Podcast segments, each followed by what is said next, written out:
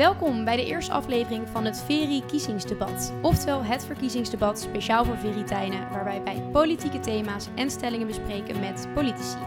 Mijn naam is Floor Brands, derdejaars Veritijn en vandaag ga ik in gesprek met maar liefst drie kandidaten voor de aankomende Tweede Kamerverkiezingen op 17 maart. Naast mij zit Annemarijke Pot, nummer 26 op de lijst van D66. Welkom.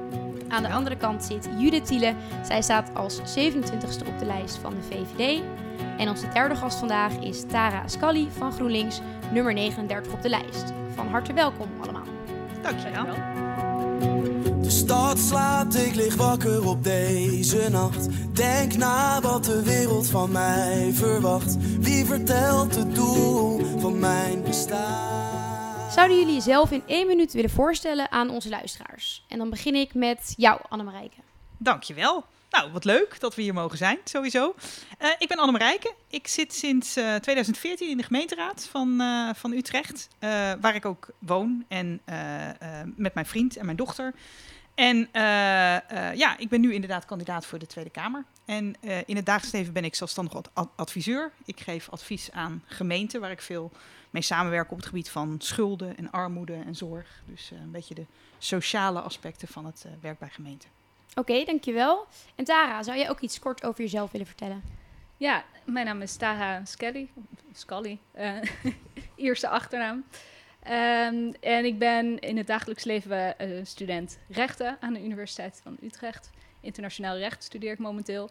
En uh, dat, daar ben ik pas weer mee begonnen, omdat ik in mijn werk al lange tijd bezig ben met mensenrechten en eerlijke handel. En um, ja, ik merkte dat ik toch nog meer wilde verdiepen in echt het, uh, het, vakgebied rechten. Dus vandaar dat ik ben gaan studeren. En de vorige periode zat ik hier in Utrecht in de gemeenteraad samen met ja, deze twee collega's hier aan tafel. Oké, dankjewel. En dan hebben we nog Judith van de VVD. We zijn ook erg benieuwd naar jou. Ja, ik, mijn naam is Judith Thiele. Uh, ik ben uh, nu al Kamerlid uh, namens de Volkspartij voor Vrijheid en Democratie. En ik hou me bezig met alles rondom werk en geld verdienen. Dus arbeidsmarkt, arbeidsongeschiktheid, sociaal-economisch beleid, allemaal dat soort dingen. Dus eigenlijk voor iedere luisteraar een hopelijk aantrekkelijke toekomst. en 30 jaar geleden werd ik hier lid. Dus ik zit nu in de oude bibliotheek waar ik met mijn Lustrumcommissie het 21ste Lustrum heb voorbereid en gevierd. En ik woon in Utrecht met mijn man, Rolf Bakker, en um, drie kindjes. Oké. Okay. Ja, kindjes. Zijn wel grote kinderen al bijna. Ja. En uh, ook nog bestuur geweest bij Veritas, geloof ja, ik. Ja, na, na de Lustrumjaar ben ik uh, een jaar uh, presenscollegie geweest. Ja. Leuk. Nou, welkom terug. Bedankt voor jullie introductie. Dan gaan wij gauw door naar de inhoud.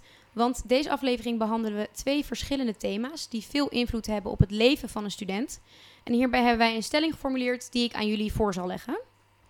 En dan beginnen we natuurlijk met het thema onderwijs. Misschien wel hetgeen waar studenten het meest mee te maken hebben. En een veelbesproken fenomeen is natuurlijk het sociaal leenstelsel. Dat is ingevoerd in 2015 en hierbij is de toenmalige basisbeurs voor studenten afgeschaft. Dus best wel een impact voor studenten. En onze eerste stelling luidt als volgt. Wij staan achter het huidige leenstelsel. Judith, hoe staat de VVD hierin? Ja, ik sta achter het huidige leenstelsel. Uh, we hebben dat uh, een aantal jaar geleden wel overwogen ingevoerd. En uiteindelijk uh, werkt het ook best wel goed. Wat werkt er dan? het werkt dat mensen nog steeds veel gaan studeren. Dus de angst dat mensen de, de grote drempel vonden, is gelukkig niet waar geworden. Wel zouden we er iets aan willen veranderen. He, dus uh, we vinden, lenen was eigenlijk altijd al mogelijk. Hè? Ook toen ik 100 jaar geleden studeerde in de vorige eeuw. Um, lenen was altijd al mogelijk. Maar ik denk, en ik denk dat het ook heel goed is dat mensen hun inkomen uh, lenen. Want vanuit de schatkist gaat er al best veel geld naar je studie. En driekwart uh, van je studie wordt al betaald door iedereen in Nederland. maar ik denk wel dat met name voor de middeninkomens... dat het mogelijk moet zijn om de aanvullende beurs, dat we die verbreden. Dus ik sta achter het leenstelsel zoals het nu is, maar ik denk wel dat het nog beter kan. Ja, en dan zouden jullie dus uh, tot een bepaald inkomen van de ouders een aanvullende beurs willen invoeren. Ja, dat is er nu al, zeg maar, mm -hmm. maar dat houdt redelijk uh, vroeg op. Uh, of ja, dus bij een bepaald niveau houdt het op. Wat ons betreft kan dat wel wat uitge uitgebreid worden. Ja. Oké. Okay. En Annemarijke, hoe denkt D66 over het huidige leenstelsel? Nou, wij zijn het er niet mee eens. Niet met de stelling in ieder geval.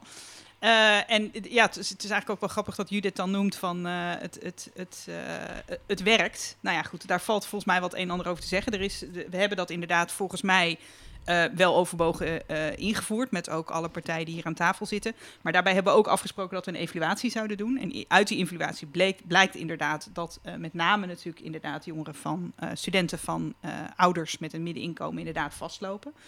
Dus ja, de vraag is een beetje of je er dan komt met een lening. Nou, wij zeggen eigenlijk nee. Dus wij willen ehm, eigenlijk toe naar een nieuw systeem waarbij we zeggen, nou, we willen eigenlijk die, die beurs gewoon veel breder toegankelijk maken. En dan willen we eigenlijk dat, nou, dat we er uiteindelijk op uitkomen dat iets van 60% van de studenten daar recht op heeft. En ook weer inderdaad afhankelijk van het inkomen van je ouders. Want ik denk dat dat heel terecht is. Hè? Dat je natuurlijk op een gegeven moment ouders die gewoon echt heel veel verdienen, ja, die kunnen natuurlijk hun kinderen zelf wel bijstaan. Ehm, we willen daarnaast, en ik denk dat dat ook niet onbelangrijk is, want die beurs, ehm, nou, die wil je sowieso, die wil je ook eigenlijk je volledige studieperiode, want dat is ook nog wel iets wat, eh, nou, ook niet altijd het geval is. Ehm, eh, daarbij wil D66 eigenlijk ook het hele toeslagensysteem in Nederland eh, veranderen. Wij willen dat afschaffen en wij willen daarvoor in de plaats een eh, belastingkorting voor alle Nederlanders. En dat betekent dat studenten daar ook voor in aanmerking komen. Waar ze dat nu vaak niet hebben. Als je als student nu eh, eh, een kamer deelt of een huis deelt met meerdere mensen, heb je geen eigen adres, heb je geen huurkorting bijvoorbeeld. Nou, dat zouden we dan wel. Je krijgt dan wel die belastingkorting. Nou, dat betekent onder de streep gewoon echt wel voor heel erg veel studenten gewoon een beter inkomen. Ik denk dat daarom, daarom moet beginnen. Oké, en Tara, denkt GroenLinks eh, hier hetzelfde over?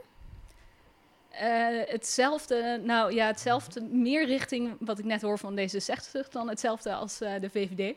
Ehm, want eh, ja, het, het leenstelsel in de huidige vorm werkt eh, wat ons betreft niet.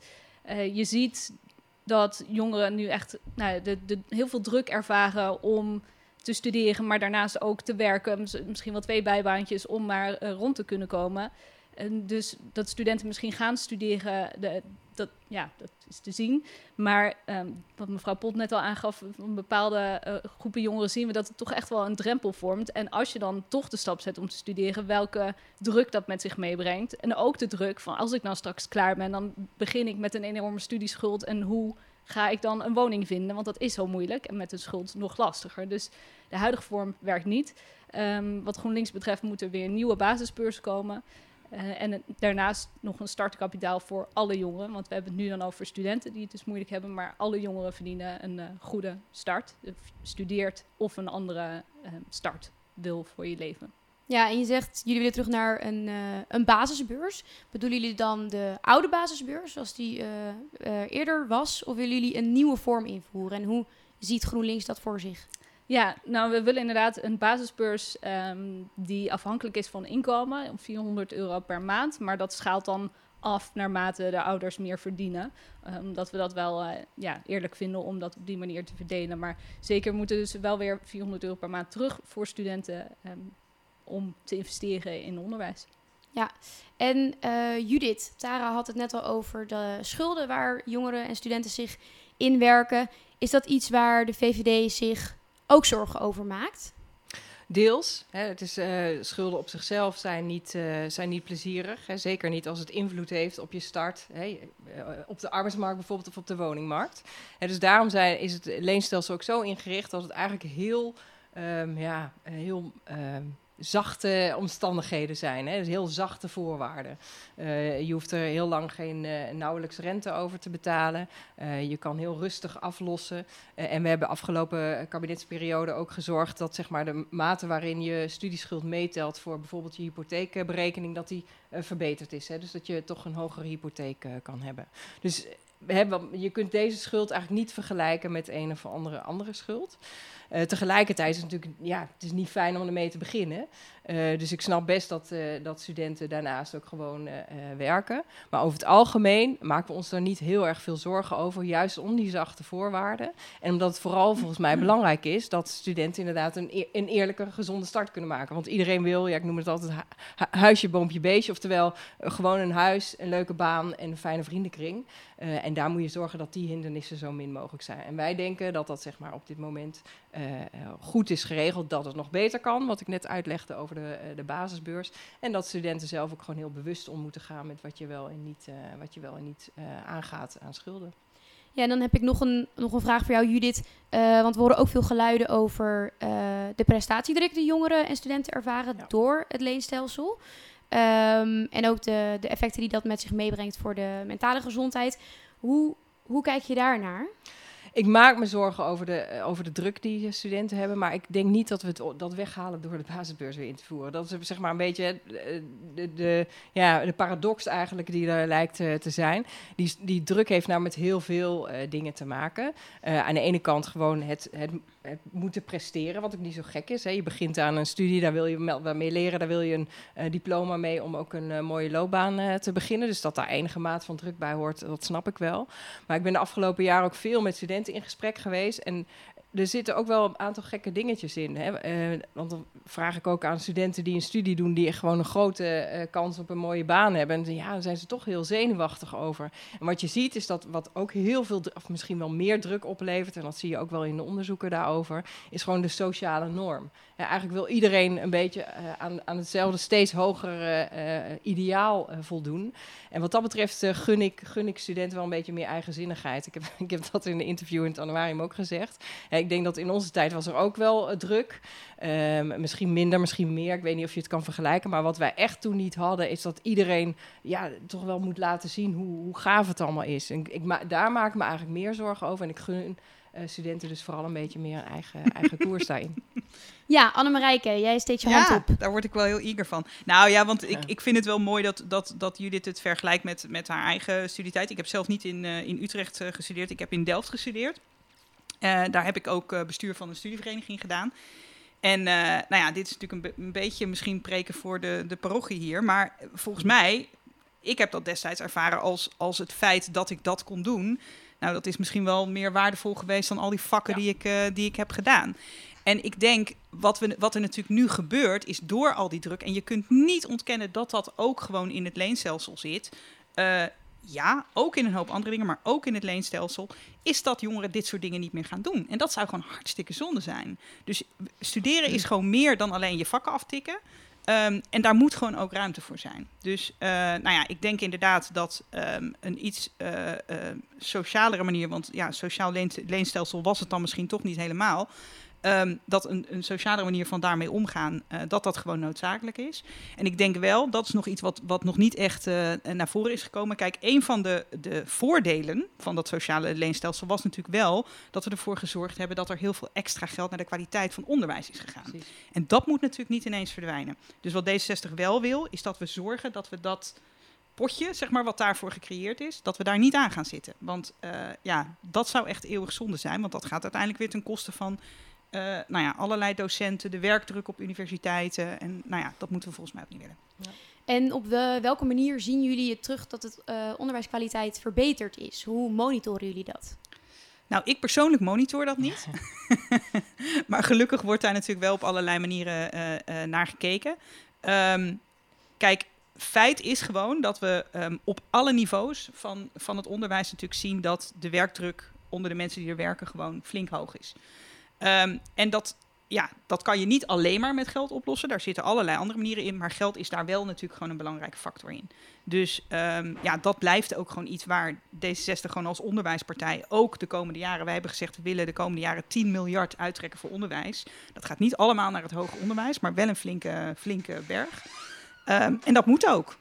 Oké, Tara, wat wil jij hierover zeggen namens GroenLinks? Ja, ik wilde eh, graag nog even reageren op de, de druk op studenten. Want dat gaat niet alleen over prestatiedruk op de universiteit. Maar dat heeft juist ook heel erg te maken met het nou ja, simpelweg eh, overleven. De, de prijzen van kamers zijn natuurlijk ook een eh, stuk gestegen dan eh, nou ja, toen, toen ik studeerde, toen wij studeerden. Het is misschien net rond een andere tijd, maar ook eh, sinds de tijd. Nee, wrijf het er maar in, Tara. Ja. Lekker is dat. Ja, nee, ik weet niet precies, maar het was niet rond dezelfde Lang tijd. geleden, lang geleden. Ja. Ehm, maar ja, dus, het is, en de, dus die kosten heb je als student. ehm, maar ook voor de, de- dus je kamer, de, de zorgkosten. Nou, en dan eh, de kosten om te koken. Ik weet in de tijd dat ik studeerde dat ik al eh, moeite moest doen in de winkel. Dat je denkt van, nou, hoe, hoe ga ik nu eh, deze week eh, rondkomen met de boodschappen? Dus het is ja, je hebt de druk van de universiteit, maar ook de economische druk. En dat is zeker iets waar ehm, een, een ander stelsel echt wel verandering in kan brengen. En ehm, die druk is heel belangrijk, volgens mij, voor de VVD om ook in het achterhoofd te houden. Dat het niet alleen maar gaat over prestaties op de universiteit, maar ook de, de hele leefsituatie waar studenten in zitten. Yeah. En dat, en dat is natuurlijk logisch, hè? Want eh, je, je wordt 18 en ineens, inderdaad, ineens ben je volwassen. Ineens moet je heel veel. Hè? Je moet inderdaad, eh, wat mevrouw Skelly eh, zegt, je moet studeren. je moet je eigen huishouden runnen. Je moet je zorgverzekering. Met allemaal dingen die eigenlijk tot je 18 bent redelijk ver van je bed zijn. Dus ik, ik, ik herken dat en ik erken dat ook. Alleen ik denk dat dat wel ook bij gewoon opgroeien en volwassen worden hoort.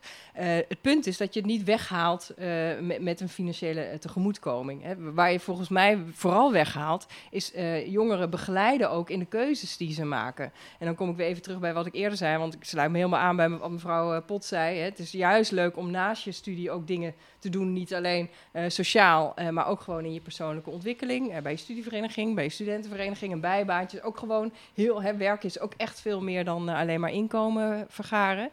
Um, maar, maar soms vraag ik me wel eens af of de, uh, de begeleiding bij je studiekeuze, de begeleiding ook uh, op, op de universiteit of op de hogeschool, bij hoe je uh, die studie invult en hoe je ook stages kiest en hoe dat ook afgestemd kan worden op jouw talenten. En dat is wat ik kwaliteit noem. Daar is in geïnvesteerd, maar ik zou willen dat we daarin blijven investeren. En dan zou het jammer zijn om dat geld te besteden aan, aan inkomen. Dat is zeg maar onze keuze. Ja, Tara van GroenLinks wil nog even reageren. Ja, want het, het hoort bij een stukje volwassen worden. Dat klinkt dan wel heel uh, ideaal en zo. Natuurlijk hoort het bij volwassen worden om je uh, eigen boodschappen en huishoudboekje te kunnen onderhouden of iets dergelijks. Maar het is niet, dat, dat klinkt heel simpel, maar dat is het niet. Als je twee bijbaantjes moet hebben omdat je anders niet uitkomt in je, in je kosten, dat, dat is niet. Um, dat is niet volwassen worden. Want dat is echt gewoon een enorme druk die je dan op jongeren legt. En die druk hebben jongeren met minder rijke ouders dan wel.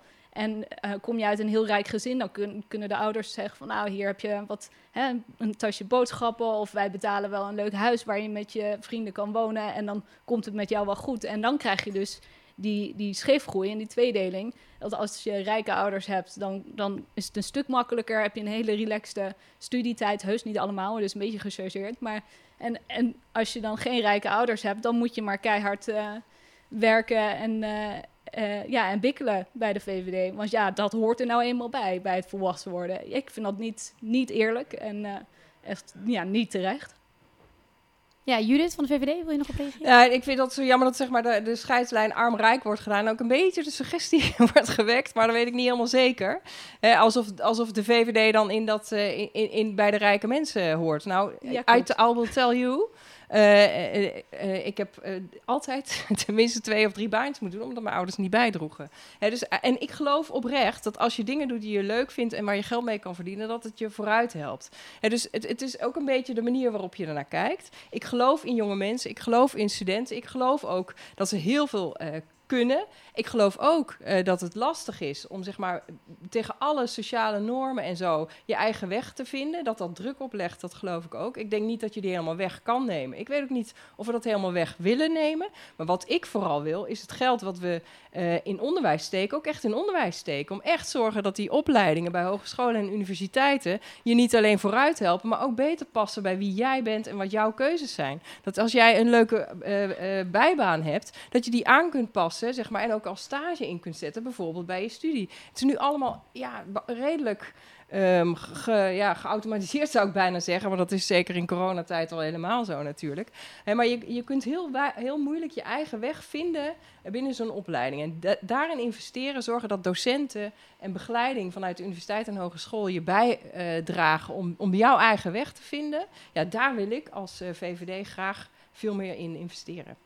Ja, en Annemarijke van de D66 wil nog even reageren. Nou, ik, ik ben wel heel erg blij met deze uitspraak van, uh, van, van Judith. Uh, want uh, um, de afgelopen kabinetsperiode wilde D66 4 miljard investeren in, in, in onderwijs. Ehm, we hebben uiteindelijk 1,9 miljard voor de poorten van de hel weggesleept. Eh, dat was een heel groot gevecht met onze coalitiepartners. En ook als je nu gewoon weer ziet wat de VVD uiteindelijk zeg maar, wil, dan vind ik het toch wel opmerkelijk uh, dat u dit hier nu zegt van ja, ja, de kwaliteit van het onderwijs is zo belangrijk en daar willen we ook geld in steken. Dat valt in de praktijk toch vaak een beetje tegen bij de VVD. Dus ja, ik, ik weet dan niet zo goed hoe ik dit dan moet duiden. Vind je het dan belangrijk genoeg om er ook daadwerkelijk geld in te steken? Want dat is me de afgelopen vier jaar nog niet echt opgevallen. Ja, Judith? Ja, volgens mij is de afgelopen jaren dus behoorlijk veel extra geld ingestoken. Maar het moet ook ergens terechtkomen. En dat is altijd lastig. Het is heel het is helemaal niet makkelijk, maar het lijkt soms heel makkelijk om vanuit uh, Den Haag, hè, die zaal met die blauwe stoeltjes, uh, met geld te smijten. Maar dan moet het ook nog komen waar het ook echt uh, terecht komt. En dat vergt gewoon tijd. Daar is de afgelopen vier jaar wel behoorlijk ook tijd in gestoken om ook met de onderwijsbestuurders, hè, wat natuurlijk ook gewoon grote bolwerken zijn, die universiteiten en hogescholen, ook zorgen dat daadwerkelijk die student ook gaat merken dat er meer begeleiding is. Nou, daar zijn de kwaliteitsgelden uh, die we met het voorschot, uh, studievoorschotstelsel hebben, hebben vrijgemaakt, zijn ook daarin gaan zitten. Daar hebben we hele strenge, zelf nog aan, aan meegewerkt, om daar ook gewoon strenge en goede controles op te doen, zodat hogescholen en universiteiten er ook echt het goede mee doen.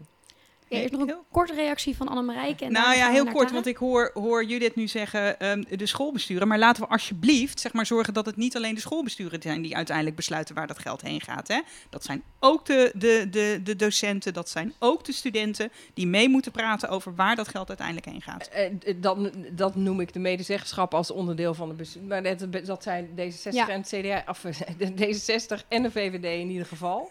Uh, CDA is daar altijd wat lastig in. Ik, zal, ik was alweer twee, twee twee denkstappen verder. Uh, maar met D66 en VVD trekken daar behoorlijk uh, samen, samen in op. Daar wel. Ja, Tara nog afsluitend? Ja, ja, ja mevrouw Thiele geeft aan dat ze wil investeren in het onderwijs. Nou wil GroenLinks dat natuurlijk ook. En van alle partijen investeert GroenLinks ook het meest in uh, onderwijs. Maar um, mevrouw Thiele doet nu lijken alsof het een soort... Uh, dit, het, dat of dat is, zeg maar. Wij ja. willen investeren in onderwijs, dus daarom moet het leenstelsel blijven bestaan. Nou, dat is niet um, hoe wij het zien. Uh, en ja, we moeten onwijs investeren in onderwijs, maar dat betekent niet dat we dan meteen vastzitten aan dit leenstelsel. We kunnen investeren in onderwijs en tegelijkertijd investeren in jongeren, in studenten, door middel van uh, een beurs.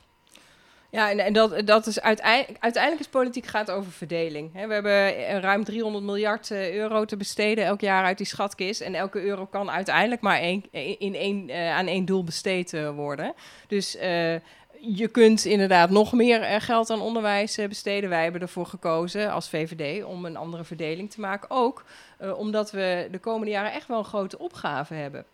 Zeker voor uh, jonge uh, en over het algemeen gezonde mensen is dat natuurlijk moeilijk voor te stellen. Maar de kosten voor de AOW, de kosten voor de zorg gaan de komende jaren nog steeds stijgen.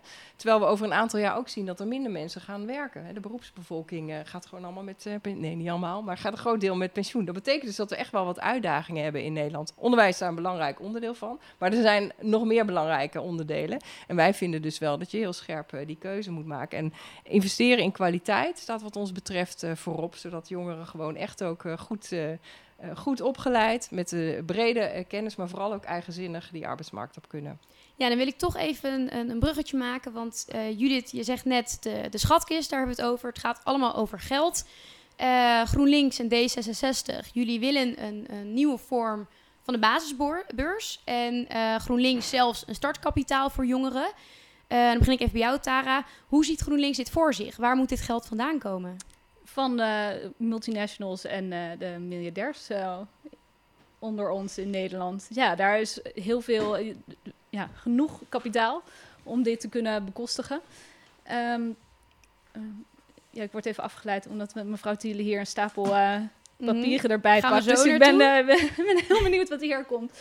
Ja, nee, als het gaat over eerlijke bijdragen, dan is daar echt nog uh, genoeg ruimte. Ik, ik begrijp gewoon niet waarom je zoveel ruimte geeft aan bedrijven om uh, belasting te ontwijken of grote winsten te halen. De investeerders die enorm rijk kunnen worden, maar er is geen geld om aan onze jongeren te geven als het gaat om onderwijs. Dus daar zie ik voldoende ruimte om hier geld voor vrij te maken. Ja, en dan wil ik nog even dezelfde vraag stellen aan uh, D66, Annemarijke. Ja, nou ja, kijk, eh, wij maken inderdaad, uh, Judith zei het net al, wij maken inderdaad andere keuzes. En dat betekent, uh, er werd net even gezegd, onderwijs is ook een probleem. Nou, ik zou in ieder geval willen aangaan dat onderwijs vooral een investering is. Dat lijkt me wel belangrijk om dat met elkaar te besluiten. dat wil zeggen dat het nog steeds geld kost, hè. Um, maar wij zeggen inderdaad, wij, wij kiezen volmondig voor dat onderwijs en, en daar gaat wat ons betreft dat geld naartoe. Um, wat ik net ook aangaf, hè, kijk, voor ons zit natuurlijk een deel van die belastingkorting, die komt natuurlijk uit het afschaffen van het toeslagensysteem. Um, dus daar, ja, dat, dat is gewoon een andere verdeling die je vervolgens maakt. Um, ja, en verder zitten er natuurlijk een aantal dingen in waar we later in deze podcast volgens mij ook nog uh, over gaan spreken. Over het belasten van vervuiling bijvoorbeeld, waar natuurlijk ook veel geld uitkomt. Ja. Judith, wil je hier nog op reageren namens de VVD? Ja, eh, politieke keuzes maken. En, en uiteindelijk, je, je kunt inkomen, inkomenskeuzes maken en uitgavenkeuzes. Uh, als je kijkt, vandaag zijn de CPB-berekeningen uh, gemaakt. Hè? Dus het Centraal Planbureau rekent alle, alle verkiezingsprogramma's door en probeert dan een soort van overzichtje te maken. Dus vandaar dat ik die er even bij, bij pakte. Om te kijken van ja, het moet van de multinationals komen. Ja, dat, dat, klinkt allemaal mooi, maar dat, dat, betekent niet dat dan ineens de schatkist dubbel zo groot wordt. Hè, dus, dus het vergt wel net iets meer. Ik vind het soms iets te makkelijk om te zeggen, ja, laten we de miljardairs, dat zijn er niet zoveel. Hè? Dus um, uh, uiteindelijk ook de VVD hoor, gaat de komende jaren uh, meer vragen van, uh, van bedrijven qua lastenverzwaring. Maar er zijn wat partijen die, die bedrijven wel heel lastig maken. En dat zal ook invloed hebben op bijvoorbeeld de werkgelegenheid. En uiteindelijk, wat ik al zei, als jongere wil je een, een leuk huis, een fijne baan en leuke vrienden. die banen moeten er wel zijn. Dus wij, wij zullen daar, we zijn de enige partij die structureel de werkgelegenheid doet groeien als VVD. dus daar zullen wij ook echt keuzes daarop Ja, Tara ja, GroenLinks. ik voel me toch even genoodzaakt om hierop te reageren. Want het is alsof de, de leuke banen alleen maar bij multinationals uh, te vinden zijn. Oh, Juist de jongere generatie is heel erg bezig met duurzaamheid, met de wereld, met de toekomst. Dus ik denk dat zij toch liever zitten te wachten op een, een baan bij een, een leuke organisatie die iets terugdoet voor deze wereld dan een grote multinational waar heel veel... Uh, miljoenen naar de investeerders gaan. Oh, maar e-, e-, even terug, want dan moet ik even iets uit de weg uh, helpen. Uh, dat heb ik niet gezegd. Hè. Uiteindelijk gaat het om alle banen in Nederland. Hè. Een stuk of 9 miljoen is wel handig als we die hebben. Maar dat is maar een heel klein deel uiteindelijk bij multinationals. Overigens, aan multinationals vast zit vaak ook heel veel MKB. Dus dat is ook altijd wat groter. Maar zeker nee, een leuke baan is, is een baan bij een organisatie. Of dat nou een bedrijf is, of een, of een, een zorgorganisatie, of een NGO, of wat dan ook. Een, dat, dat maakt niet uit. Maar werkgelegenheid is wel gebaat bij een aantal keuzes die wij ook weer maken rondom lasten voor, voor bedrijven. Dus, en de structurele werkgelegenheid nogmaals. En dat geldt dus over alle vlakken. ligt bij de VVD het hoogst. Oké, we lopen een beetje vooruit op de zaken. Want de volgende stelling heeft hier ook redelijk wat mee te maken. Um, lijkt me goed om dit punt af te ronden, want hier kunnen we volgens mij nog uren over doorpraten. En zijn ze in Den Haag ook nog lang niet uitgepraat. Um, maar gaan door naar het volgende thema. En die is misschien wel minstens net zo belangrijk voor studenten. Dat is namelijk het klimaat. Uh, wij jonge mensen hebben nog best wel wat jaartjes te slijten hier op deze planeet. En als we de cijfers en de berichtgeving van de afgelopen tijd mogen geloven, gaat het daar niet heel goed mee. Onze tweede stelling is dan ook: de overheid moet harder optreden tegen de uitstoot van grote bedrijven, ook al kan dit tot gevolg hebben dat bedrijven verplaatsen naar het buitenland. Tara, ik heb al een vermoeden. Maar is GroenLinks voor of tegen deze stelling? Gewoon laten gaan. Ja, nee. Inderdaad, um, de overheid moet veel, uh, uh, veel beter ingrijpen als het gaat om uh, bedrijven die geen rekening houden met het klimaat. Ik, ik vind het echt onbegrijpelijk dat bedrijven zomaar hun gang kunnen gaan um, door, en te zorgen dat de, de aarde opwarmt of dat er uh, olie uh, zich verspreidt in leefgebieden die heel belangrijk zijn voor mensen en voor het milieu en dat dat gewoon uh, geaccepteerd wordt. Dat is het eerste deel van die stelling. En het tweede deel, dat vind ik toch een beetje een misvatting, dat bedrijven dan meteen allemaal weg zouden rennen uit Nederland.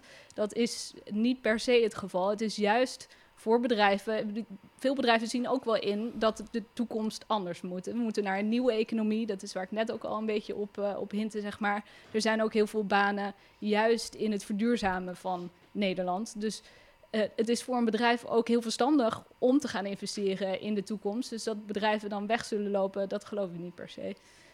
Oké. En Judith, wat vindt VVD?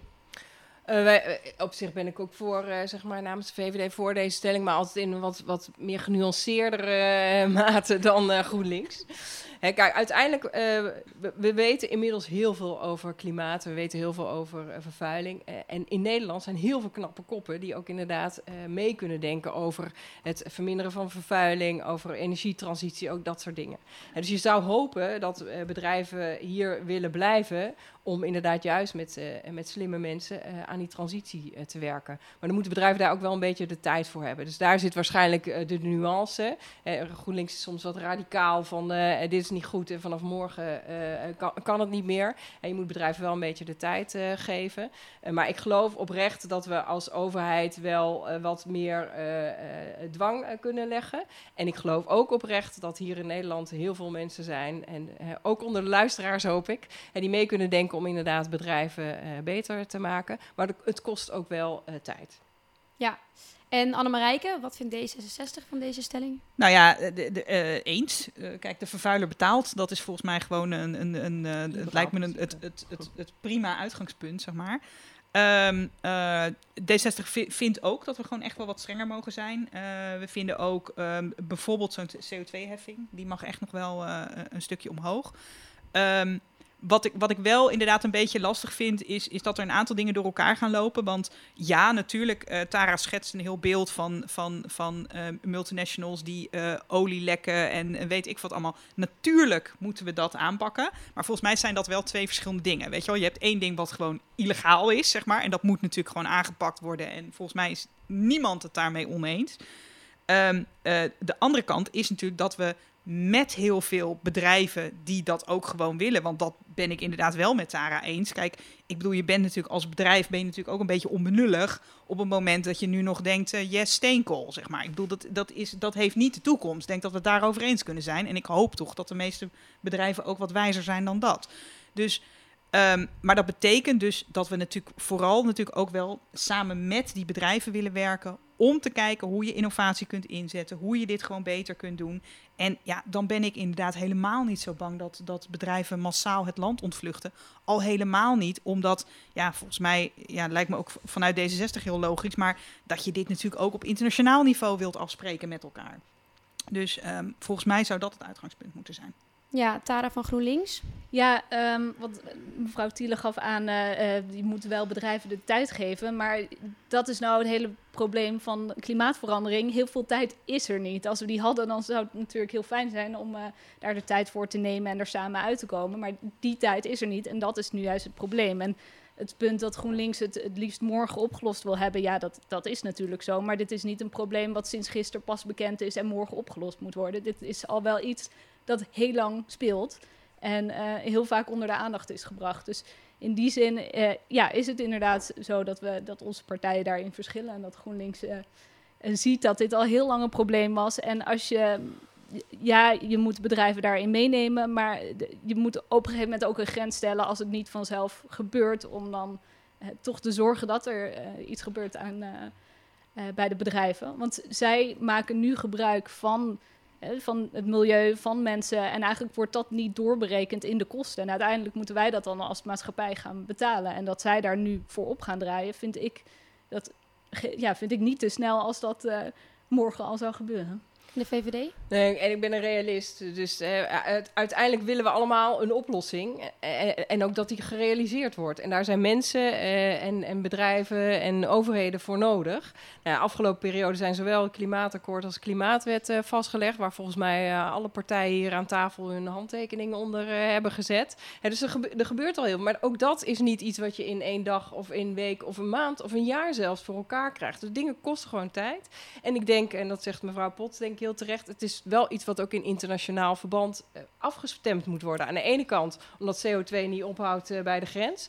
En aan de andere kant ook omdat je wel wil zorgen dat Nederland niet zijn concurrentiekracht verliest. Dus je zult toch wel eh, alle maatregelen die je eh, aan doet, dus alle dwangmaatregelen zou ik bijna zeggen, of, of straffen of boetes of hoe je het wil noemen, om bedrijven eh, toch te stimuleren, zeg maar, om groener te worden, om maar met die termen te komen, ja, zullen wel enigszins afgestemd moeten, moeten zijn, zodat, ja, zodat de economie wel blijft lopen. En ik, en ik geloof oprecht hoor, ik geloof oprecht dat dat samen kan. Het is ook niet voor niks dat er een minis- minister van Economische Zaken en Klimaat is, omdat dat echt ook hand in hand kan. En met slimme dingen, nou, daar is de afgelopen jaren goed aan ge- gebouwd. Eh, en eh, nou ja, eh, laten, we, laten we zorgen dat ook die afspraken die in zowel het akkoord als de wet zijn vastgelegd, ook gewoon nagekomen worden. Ja, D66 wil Ja. graag reageren. Nou ja, want ik, ik proef hier toch wel een enig nuanceverschil tussen de VVD en D66. Ehm, om de, gelukkig maar, hè, er valt wat te kiezen. Ehm, eh, maar, maar juist omdat, wat ik nu dan toch een beetje hoor in, in hoe Judith het uitlicht, is inderdaad, nou ja, weet je, die in- internationale afspraken zijn zo belangrijk. eh, laten we daar dan maar even op wachten. En dat is nou typisch niet wat wij willen. Dus ja, internationale afspraken zijn heel belangrijk. Precies om wat je zegt. Het houdt niet op bij de grens, weet je wel. Het, het, het, is ook makes sense, weet je wel. Er zijn gelukkig ook heel erg veel andere landen die dat ook vinden. Eh, maar ehm, D60 zou wel heel graag zien dat wij gewoon koploper zijn in dit soort eh, eh, dingen. En volgens mij is ook dat gewoon heel zinnig. Want nogmaals, weet je wel, dit, dit is niet nog even afgezien van de haast die we hebben om hier verschil op te maken. Maar het is ook gewoon goed business sense, zeg maar, om dit gewoon te doen. Om hier de koploper op te zijn.